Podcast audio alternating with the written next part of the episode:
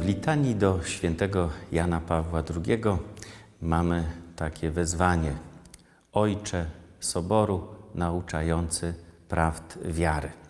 To pokazuje nam, e, że Jan Paweł II e, wiele zrobił dla Kościoła. Otóż to był papież e, przełomu.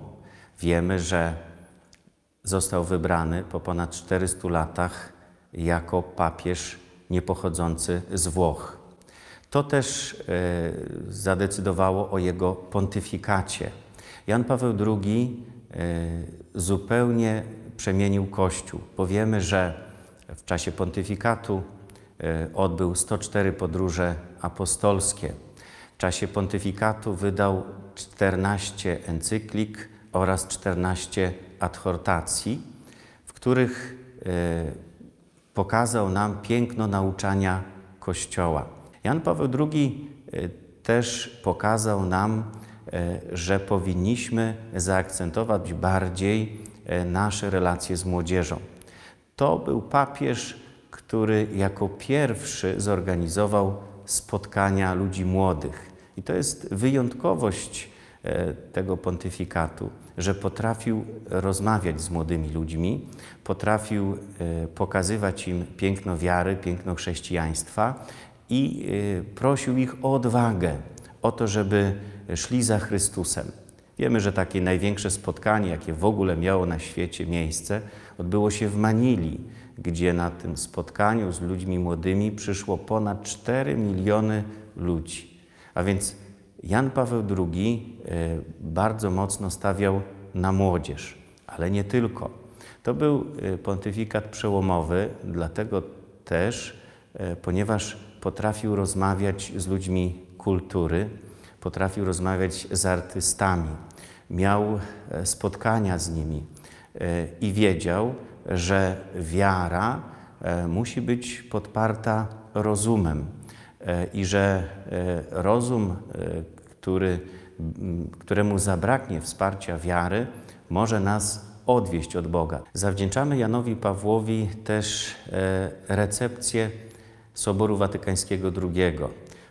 Po, Soborze Watykańskim II we Kościoła było wiele napięć, wiele różnych e, opinii. Jan Paweł II, dzięki temu, że był również ojcem Soboru Watykańskiego II, e, uporządkował wiele spraw. Po, pokazał, że e, ten sobór e, był głównie po to, aby odnowić liturgię Kościoła, aby Kościół bardziej zaangażował się w duszpasterstwo.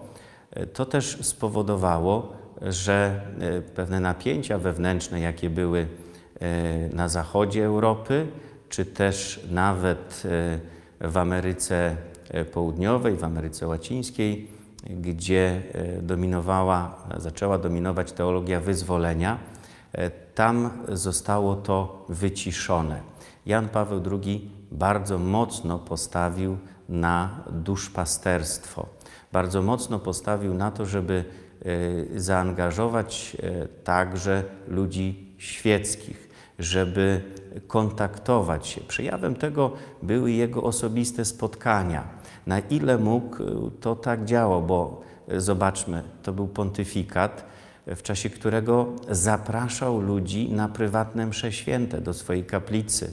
Bardzo lubił e, spędzać czas e, z różnymi osobistościami podczas obiadów, kiedy mógł rozmawiać, kiedy mógł wymieniać poglądy, kiedy mógł pytać ludzi o to, co myślą na różne tematy związane e, z życiem Kościoła. Więc to też było takie przełomowe, że nie bał się ludzi, zapraszał, wychodził też e, do ludzi, którzy e, potrzebują wsparcia. Szczególnie istotne w tym pontyfikacie jest również to, że to był papież pielgrzym.